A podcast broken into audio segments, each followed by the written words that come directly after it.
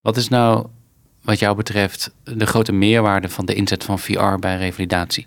Nou, misschien is de grote meerwaarde eigenlijk wel dat je ehm, heel erg op maat een therapie kan bedenken, een spel kan inzetten of een, een applicatie kan inzetten die past bij die patiënt, bij zijn belevingswereld, eh, bij, bij wat hij leuk vindt. Eh, zodanig dat hij veel langer dan, dan normaal gezien zijn therapeutische oefeningen doet en die ook volhoudt. En dan zien we natuurlijk een veel groter effect. Dit is Verder in Beweging, een podcast over innovatie in de zorg. Ik ben Maarten Dallinga, freelance journalist en podcaster en maak Verder in Beweging voor de Sint Maartenskliniek, een ziekenhuis gespecialiseerd in houding en beweging. Dit is aflevering 9 van het tweede seizoen. VR bij revalidatie. Dus ik ga straks de bril opzetten. In deze aflevering hoor je over allerlei bijzondere virtual reality innovaties. En twee daarvan test ik zelf uit in de Maartenskliniek. En ik overdrijf niet als ik zeg dat deze eerste VR-toepassing nogal veel indruk op mij maakte. Voor jou zie je waarschijnlijk nu een controller. Ja. Oh, die kan ik ook vastpakken. Die kun je ook vastpakken. Kun jij eens eerst even beschrijven wat je hier ziet voor je? Ja, um, ja, doet me een beetje denken aan Niet voor Speed of GTA van vroeger. Uh, ik zie uh, voor mij een klein parkje. Um, het lijkt een Amerikaanse stad of zo te zijn met uh, wolkenkrabbers. Ik zie auto's rijden, een zebrapad voor me. Wat hoor je? Ik hoor geruis van de wind en ik hoor auto's.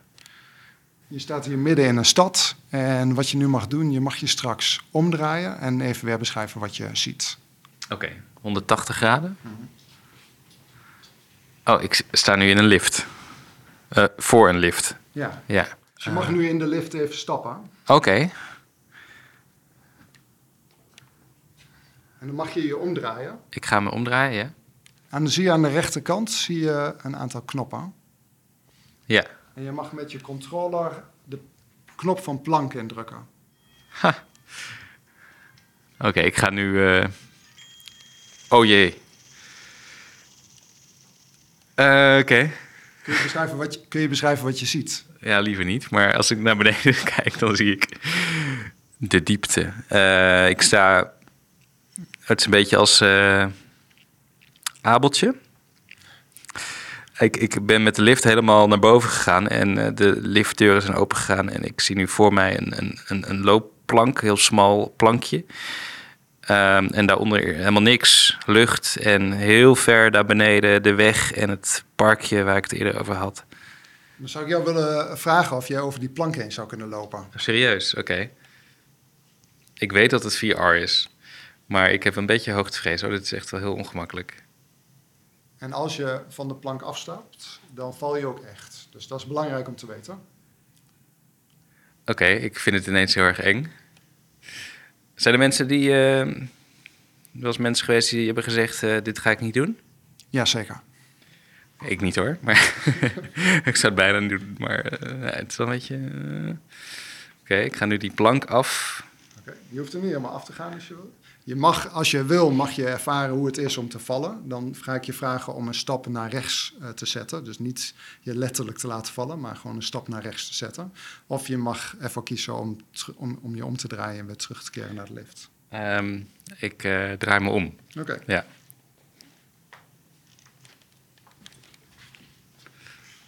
Oké, okay, dan ga ik nu de bril even afzetten. Ja. Zo, ja. Dan is de volgende vraag, uh, hoe, uh, hoe heb je dit ervaren?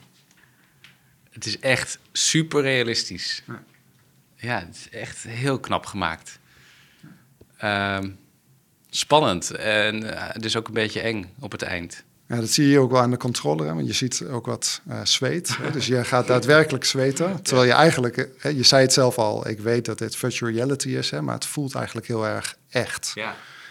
En dat is ook waarom we het inzetten bij pijnvoorlichting. Omdat bij heel veel mensen die wij zien met chronische pijn um, er vaak nog steeds pijn is, al langere tijd. maar waarbij er eigenlijk niks meer kapot is in het lijf. Dus er is geen breuk meer of er is geen ontsteking. En toch voelen deze mensen nog steeds pijn. Ze komen vaak hier nadat ze eigenlijk bij allerlei artsen al zijn geweest, waar uh, diagnostiek is gedaan um, en waarbij er niet iets gevonden wordt wat die pijn kan verklaren. En daarna komen ze eigenlijk, worden ze hier aangemeld voor ons uh, revalidatieprogramma. En dan leggen we vaak in het begin ook uit in de eerste week van hoe pijn werkt in het lijf. En dat er dus ook niet altijd sprake hoeft te zijn van schade. Um, en in de derde week geven we daarna deze ervaring. En deze ervaring geven we omdat we eigenlijk uh, vaak zien dat mensen zeggen: het voelt nog steeds alsof er mis is, hè, dat er nog steeds iets mis is in het lijf. Maar uh, er wordt mij verteld dat dat niet zo is. En dat blijft, dat blijft toch een heel raar fenomeen voor heel veel mensen. En wat we dan doen is, we geven ze deze ervaring om ze eh, te laten ervaren dat wanneer het brein denkt in termen van gevaar, in dit geval bij jouw hoogtevrees. Dus je houdt patiënten als het ware een spiegel voor eigenlijk met die bril. Ja. Je hoorde fysiotherapeut en manueel therapeut Guy Gilbers. Ik praat nog even met hem door. En hij vertelt dat de Maartenskliniek VR bij revalidatie ook inzet specifiek om bewegingen uit te lokken. Een voorbeeld hiervan zijn mensen eh, die hun nek gebroken hebben. Um, en die hebben een haloframe gekregen. Dat is eigenlijk een soort constructie die je nek fixeert, vastzet, zodat je niet kan bewegen. Of hebben een kraag gehad, waardoor ze minder konden bewegen met hun nek. En als die afgaat, dan zie je vaak dat mensen of stijf zijn of bewegingsangst uh, ervaren. Um, en daarbij, die mensen, en daarbij wil je die mensen eigenlijk weer helpen uh, door het inzetten van virtual reality. Dus wat we dan doen is dat we een bril opzetten. We laten die mensen eerst de bewegingen maken die ze kunnen maken. Uh, bijvoorbeeld we laten het hoofd buigen, we laten het hoofd strekken, draaien en zijwaarts buigen. En we meten hoe ver iemand op dit moment kan bewegen. En wat we daarna doen is dat we eigenlijk door middel van games uh, uh, eigenlijk die bewegingen uitlokken. En we kunnen die beweging dan uitlokken door een, een, een, element aan te bieden binnen die beweging die iemand maakt, op de grens of daarbuiten. Geef eens een voorbeeld. wat we, er is een game waarbij je in een omgeving staat. Er is een Chinese tempel en er is een vliegende draak voor je. En um, je ziet eigenlijk een aantal kleine vissen verschijnen op het scherm. En je moet naar die vissen kijken en dan komt die draak daarop af en die eet die vissen dan op. Dus eigenlijk wat je doet is je moet die draak eigenlijk uh, voeren door te kijken naar die vissen. Die vissen kun je binnen die grens waarin iemand heeft uh, bewogen, kun je die aanbieden. Maar ook op de grens of ook daarbuiten. Dan naar Remco Hogendijk, innovatiemanager bij de Maartenskliniek. Je hoorde hem ook al even aan het begin. We gaan het hebben over VR bij revalidatie. Wat doet de Maartenskliniek daar allemaal mee? Nou, eigenlijk zijn we best wel koploper op dat gebied. We zijn in 2017 uh, eh, een project gestart, een Europees gefinancierd project. Maar in een Europees consortium hebben we samen uh, ja, een soort verkenningstocht gemaakt hoe we VR kunnen inzetten in allerlei vormen van revalidatie. We dachten, laten we nou eens beginnen met een soort lege, leeg vel, een lege bladzijde. Dus we zijn begonnen met hackathons. Een hoop mensen bij elkaar halen in een weekend en zeggen: luister eens, dit is ongeveer het probleem waar we tegenaan lopen. Mensen zijn uh, niet trouw aan hun therapie. Mensen vinden het pijnlijk, mensen vinden het vervelend. Hoe kunnen we het leuker maken en hoe kunnen we dat doen middels de inzet van VR? Kom maar met je ideeën. Waar de eerste ronde echt ging over het bedenken van het idee, ging de tweede ronde over: nou maak dat idee naar een werkend prototype. Zorg dat dat werkt. Nou, weer een ronde gedaan en, en na de tweede ronde hadden we dus een flink aantal werkende prototypes. En daar hebben we de allerbeste acht van geselecteerd. En dat hebben we challenges genoemd en gezegd, nou die pakken we op. En dan gaan we met elkaar zorgen dat die acht ook daadwerkelijk ja, door de malle molen van de research heen gaan. En zorgen dat die, dat die klaar worden gemaakt om ingezet te worden in de, in de zorgpraktijk. Mhm. Als ze genoeg uh, potentie. Ja, dus je moet ook bewijzen, doen ze wat ze beoogd zijn te doen. Lukt het, uh, lukt het om therapietrouw te vergroten? Lukt het om de oefeningen goed te doen? Nou, daar kwam natuurlijk ja, daar kwam weer van alles uit. Er kwamen heel veel mooie dingen mee onderweg. Maar dat zijn in grote stappen het project. Welke innovaties uh, zijn er overgebleven na die hackathon? Ja, eigenlijk hadden we vijf thema's. Eén ging over VR en looprevalidatie, of de onderste extremiteiten. Eén ging over de arme handen, de bovenste extremiteiten. Eén ging over pijn, één ging over neurorevalidatie en één ging over uh, therapietrouw. Dat lopen, daar hebben we een van de winnende concepten heette Moving Reality. En in Moving Reality werden eigenlijk mensen die, uh, die soms moeite hebben met lopen, vaak na een hersenaandoening, uh, een stroke of CVA. Die, werd ze, die werden getraind, of die worden getraind middels die, die applicatie om ja, eigenlijk uh, on the flight hun, hun stappen aan te, uh, bij te stellen. Idee is daar om met kleine sensoren hele kleine prikkels te geven. Van hé, hey, dit was een, niet een goede stap, let op. En nou is de, de vraag van... Prikkel, stroomstootje? Ja, stroom, prik, een prikkeltje, maar niet pijnlijk, maar wel van, oh ja. Mm -hmm. Dat je het even voelt en zeg, oh ja, let, let op, ik moet mijn... Hè, want ja, en in de hoop dat er dan een soort ja, reactie ontstaat, dat mensen denken, oh ja, nou, nou ga ik weer, uh, weer beter lopen. Dat moet je wel doen in augmented reality, anders knal je overal tegenaan. Dus, uh, maar het is een leuk concept. Uh, is nog steeds in ontwikkeling. Dus nog steeds niet af. Maar ja, er komt weer heel veel tractie op. Want er begint steeds meer bewijs te ontstaan dat die combinatie van sensoren en augmented reality wel degelijk kan bijdragen aan een sneller herstel en een beter looppatroon. Dus ja, wetenschappelijk een gaaf project. Nog niet een pro project wat morgen op de markt is. Een ander concept wat ook op dat lopen zit, wat al wat dichter bij de markt zit, is Trunky XL. Dat gaat over uh, uh, rompstabiliteit. Als je je trunk goed kan, uh, kan, kan, kan bewegen, dat is eigenlijk het begin om opnieuw te leren lopen. Ook weer na een, bijvoorbeeld een incomplete dwarslesie of na een, na, na een, een neurologisch incident. En nou, dat gaat over een pak met sensoren en een spel waar je op de rug van een, van een rog door Atlantis gaat. En eigenlijk ja, wordt uitgedaagd om gaandeweg dat spel je.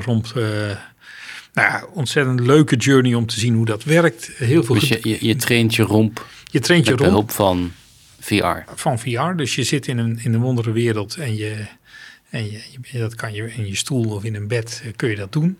Maar door meer core stability te trainen, zeg maar, ben je straks beter in staat om ja, tijdens het lopen eigenlijk de balans continu te vinden. Want dat moet je doen. Je moet als het ware tegen de zwaartekracht in uh, je romp op de goede plek hebben. En dat met voldoende snelheid, dat noemen we dan lopen. En als, het, ja, als je dat niet goed doet, ja, dan val je. Uh, we zijn nu uh, aan het kijken van kunnen we nu ook patiënten testen? Hebben we dan ook voldoende evidence? En hoe gaan we dat naar de markt brengen? En dat doen wij niet zelf, dat doet een, een bedrijf in dit geval. Die gaat dat naar de markt brengen. Die hebben ook die um, ja, laten we zeggen, die, die basis in, de, in een groot aantal fysiotherapeuten die dat dan ook gaan, gaan toepassen. Ja, waaronder die van jullie. Waaronder die van ons, ja, ja, natuurlijk. Ja. Ja. En sterker nog, wij willen ook graag betrokken blijven bij de doorontwikkeling van die, van die spellen. Ja. Nou, welkom bij de, bij de Grail. Ik test nog een VR-innovatie. De Grail staat voor uh, Gate Real-Time Analysis Interactive Lab. En uh, dat houdt eigenlijk in dat het een uh, een, een platform is met een daaromheen uh, uh, 180 graden scherm. Ja, mijn naam is Lise Wilders en ik werk als bewegingstechnoloog hier in de Sint Maartenskliniek. Ja, het platform is een, een loopband met, met twee verschillende banden ook erop.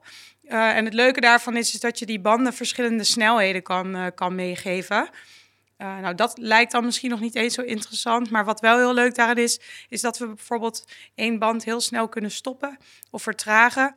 Het doel zal nooit zijn om, uh, om te vallen, maar uh, natuurlijk wel om, om het, ja, de, de, het aanpassingsvermogen van het lopen te kunnen trainen. En, en juist de momenten waarop je extra balans of extra aanpassingsvermogen nodig hebt om dat te kunnen trainen. En daar mag ik dan gelijk vertellen dat we het wel veilig doen. Dus er zijn leuningen aan de zijkant waar mensen zich kunnen vastpakken. En je wordt in een harnas uh, uh, gehezen en uh, vastgemaakt aan het plafond. Ik ga op de loopbanden staan, met elke voet op één loopband. Voor mij zie ik een groot scherm met okay. daarop een spel. 3, 2, 1. Oh ja. Ja, dus mag je naar dat diamantje vliegen. Oh, daar. Yes.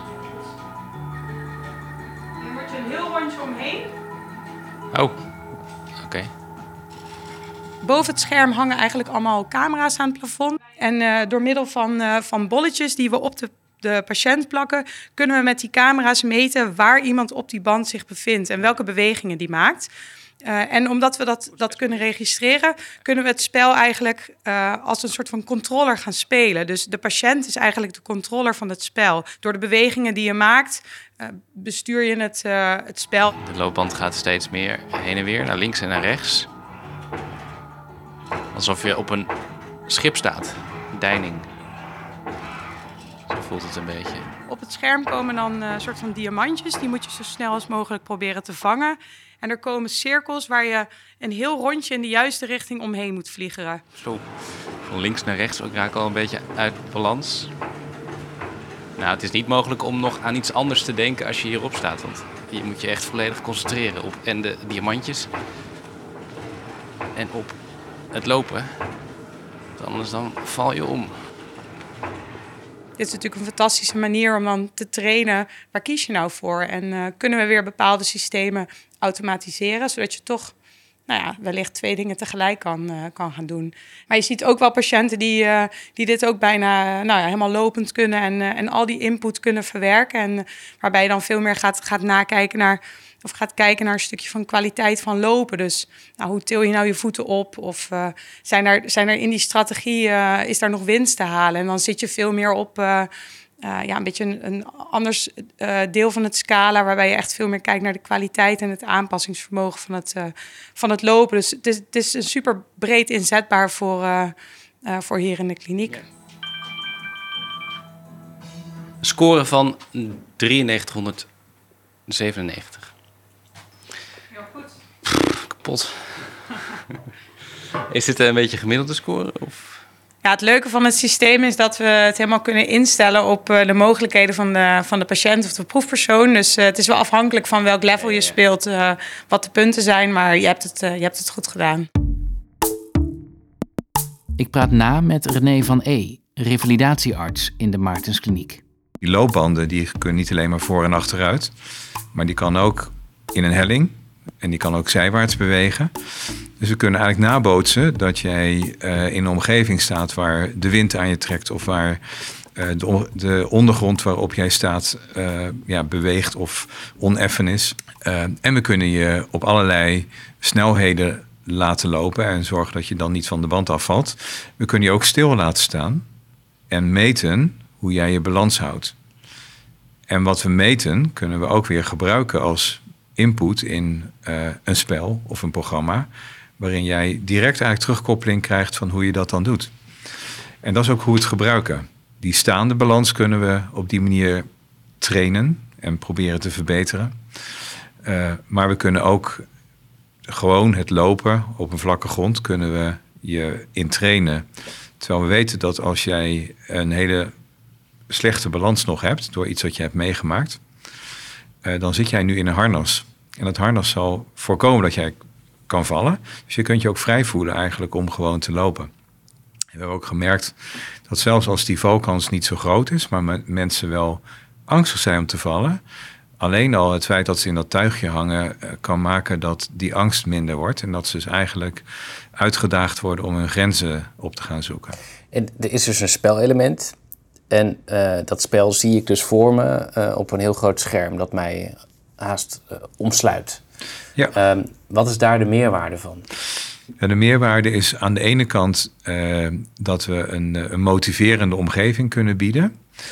De andere kant is dat we dus een vorm van feedback kunnen geven. Bijvoorbeeld, ik noemde net de, de staande balans. We hebben een prachtig spel waarin jij op een boot wordt neergezet. Uh, en de boot eigenlijk mee beweegt op uh, hoe jij je balans kiest. Ga je te veel naar links hangen, dan gaat de boot uh, te veel naar links bewegen. Ja, en tenslotte kunnen we als, uh, als jij uiteindelijk heel erg goed bent geworden in dit bewegen, maar nog wel moeite hebt om prikkels van buiten wat te blokkeren. Ja, dus bijvoorbeeld heel erg zelf met je gedachten bezig bent met de ene en de volgende stap, dan kunnen we je leren om dubbeltaken te doen. Uh, als jij uh, bijvoorbeeld een herseninfarct hebt doorgemaakt, hè, een deel van de mensen die we op de grill trainen, die heeft zoiets achter, uh, als achtergrond voor hun probleem. en dan kan het zijn dat je, uh, je denken ook moeilijker is. En, dat, en ook het bewegen eigenlijk alleen maar lukt met hele actieve aandacht. Uh, en dat is een probleem als jij in een omgeving komt waar veel prikkels op je afkomen. Want dan moet, je, dan moet je dus soms gewoon stoppen als er te veel prikkels zijn. Want als je dan gaat lopen, dan wordt het gewoon onveilig. En dat is wat wij proberen uh, te trainen in zo'n situatie. Dus in een veilige setting leer je weer zelfvertrouwen te krijgen. Ja, maar het is meer dan zelfvertrouwen. Want uh, wat we op dat moment ook proberen is om dat lopen te automatiseren. En dus daar waar je het een periode misschien alleen maar kunt door bijna bewust de ene en de andere voet te sturen, moeten we toe naar een situatie waarin dat meer geautomatiseerd is. Uh, en eigenlijk dat lopen uh, uh, naast allerlei andere taken dubbeltaken. Wetenschappelijk aantonen dat zoiets als de grill een effectief instrument is, is ingewikkeld. Maar de Maartenskliniek heeft sterk de indruk dat het patiënten helpt. VR kan wel duur zijn. De grill kost ongeveer een half miljoen euro. Innovatiemanager Remco Hogendijk. Op wat voor moment besluit uh, de Maartenskliniek nou, ja, dit schaffen we aan. Uh, deze investering, daar, die hebben we ervoor over. Ja, dat is een moeilijke vraag. Uh, soms zegt mijn bestuursvoorzitter tegen mij: Ja, Remco, jij kost alleen maar geld. Je hebt, maar ja, als je voorop wil lopen, moet je investeren in dit soort technieken. En, en dat is niet altijd raak. Um, maar toch, het gaat om het grotere belang dan dit. Als mensen thuis zitten omdat ze inactief zijn en we kunnen ze met therapie uit die inactiviteit halen, uit hun isolement halen, uit hun sociale isolement halen, uit hun economische isolement halen, ja, dan mag dat best wat kosten. Hmm. Betekent dat ook dat de verzekeraar bijdraagt aan dit soort innovaties? Nou, nog niet. Ja, dat is, ja, zeg maar, dat hebben mensen vaak het idee dat dan de verzekeraar de bril vergoedt of de, de software vergoedt. Zover zijn we nog niet. Wat vind als, je nou, als de verzekeraar de, het behandeltraject uh, vergoedt, dan is het aan ons om te kijken welke middelen we daarbij inzetten. Um, en ik denk dat de verzekeraars op zich best genegen zijn om te betalen als we kunnen aantonen dat het werkt en dat het effect, uh, effectief is. Aan de andere kant, als we ieder appje eerst randomized control trials uh, dubbelblind moeten testen, dan duurt het nog even voordat we er zijn. Dus ja. we zullen daar en ik heb het gevoel dat daar wel iets aan het veranderen is. We zullen daar elkaar toch een soort van moeten vinden. Van ja, hoe... Dat de verzekeraar genoegen neemt met minder... Misschien met minder uh, evidence op voorhand. En dan misschien wat meer evidence na, na afloop meten en zeggen... verrek, dit werkt. Daar lobby jij ook voor? Daar lobby ik voor. lobby ik zeker voor, ja. Waar staan we denk je over 10, 20 jaar? op het gebied van VR bij revalidatie? Nou ja, een, een van de, de grote dingen die je nu veel hoort is Web 3.0 of de metaverse. En ja, ik fantaseer af en toe wel hardop dat we straks in die hè, Maartenskliniek in de metaverse hebben. Of een, misschien heet het dan niet Maartenskliniek, maar een soort revalidatieafdeling uh, uh, of een revalidatieplaneet in, een, in de metaverse. Waar eigenlijk allerlei mensen die revalidatiesoftware aanbieden, hun, hun spullen aanbieden, zodat het toegankelijk wordt voor heel veel mensen en daarmee goedkoop voor heel veel mensen. En daarmee echt uh, werkzaam wordt voor heel veel mensen. Een soort uh, Play Store of Apple Store voor. Ja, met allemaal VR, met allemaal VR-revalidatie. en dat dan, dat dan ziekenhuizen of zorgverleners kunnen zeggen: Nou, ik stuur je naar dat stukje van die metaverse, hè, van, ja, van het nieuwe internet, zeg maar. En daar staan een aantal spellen, applicaties, workouts voor je klaar. Ga dat doen. Wij krijgen de data als jij dat goed vindt. Hè, en dan helpen we je op afstand. En, eh, dus ik denk dat we, dat we naar zoiets gaan. Ook René van E. en Guy Gilbers vraag ik naar hun verwachting voor de toekomst. Ik hoop eigenlijk dat we wat we nu al eigenlijk uh, aan, uh, uh, aan middelen kunnen inzetten om, om mensen gemotiveerd te houden voor hun behandeling. Maar nu nog heel erg sterk met die fysiotherapeut die er eigenlijk letterlijk naast staat. En Um, en dat proces stuurt. Hè, dat we toe zullen kunnen naar een situatie waarin we ja, eigenlijk de apparatuur kunnen gebruiken. Niet om een rijkere en kwalitatief betere behandeling te bieden. Maar om een, ook een goedkopere behandeling te bieden. Omdat we anders ja, uiteindelijk dat niet meer zullen kunnen opbrengen als, uh, als Nederland, BV Nederland zijn. Dus dat is vooral mijn hoop. Hè? Dus dat, wat we, wat we wat we nu zien, maar dan of met veel minder inzet van ons eigen personeel of in de thuissituatie. Nou, voor mij is denk ik belangrijk uh, dat we nog verder werken aan de content. Hè, dus dat er meer content komt. Maar daarnaast ook dat we meer feedback kunnen krijgen um, over hoe iemand dan beweegt in die virtuele ruimte. En daarvoor is het heel erg belangrijk dat je ook een koppeling hebt van de bril aan bewegingssensoren. Um, maar misschien ook aan biofeedback sensoren. Um, Um, Wat zijn dat? Biofeedback sensoren zijn eigenlijk sensoren die iets vertellen over uh, elementen uh, uh, die gebeuren in je lijf. Het is bijvoorbeeld um, spierspanning, um, de mate van zweetsecretie, de temperatuur van je hand, je hartslag, je ademhaling. Normaal sta ik ernaast en kan ik er naar kijken en kan ik daar iets over zeggen. Maar als je dat ook thuis zou willen doen, dan moet ik ook weten hoe je mond beweegt. Dus ik moet ergens feedback krijgen. En wat we merken, omdat het toch nog echt een nieuwe technologie is, zie je dat uh, de therapeuten uh, nog moeten leren wat het precies is en ook hoe ze het zouden kunnen inzetten. En bij wat voor soort elementen ze het kunnen inzetten. Het leuke maken van beweging, dat is iets wat de meeste mensen hè, ook er wel bij kunnen bedenken. Maar andere elementen, zoals pijneducatie geven, zoals je zelf net hebt ervaren, is iets wat je vaak eerst moet vertellen. En dan zien mensen, oh ja, dit is eigenlijk wel ook een hele mooie mogelijkheid om, om zoiets ook toe te passen bij een pijneducatie. Of te kijken van waar is virtual reality nou echt super sterk in? En dat is dat je iemand volledig afsluit van eigenlijk de werkelijkheid. Je brengt iemand naar een andere realiteit. En juist in die realiteit, daar kun je die realiteit aanpassen. Je kunt de omgeving aanpassen. Je kunt de avatar, het lichaam wat iemand in verre heeft, aanpassen. Je kunt het laten zien, maar je kunt het ook niet laten zien. Of je kunt het anders laten zien. Ehm, je kunt bewegingen die iemand maakt, kun je vergroten of je kunt ze verkleinen. Of je kunt een lichaam doorzichtig maken of juist niet. Je kunt een lichaam van metaal maken. Je kunt eigenlijk spelen met heel veel elementen, uh, wat je eigenlijk niet kan in de realiteit. En dat is eigenlijk voor mij altijd het meest sterke geweest van virtual reality. En ook waar mijn interesse ligt binnen virtual reality, is dat je kan spelen met hoe iemand zijn omgeving en zichzelf uh, ervaart. Dit was de negende aflevering van het tweede seizoen van Verder in Beweging. Een podcast van mij, Maarten Dallinga, voor de Sint Maartenskliniek. Enthousiast, luister dan ook naar de eerdere afleveringen en laat een recensie achter in je podcast-app. Of deel deze aflevering via sociale media. Voor achtergrondinformatie bij de afleveringen ga naar verderinbeweging.nl/slash podcast. Wil je reageren? Mail dan naar communicatie.maartenskliniek.nl. Bedankt voor het luisteren en graag tot de volgende.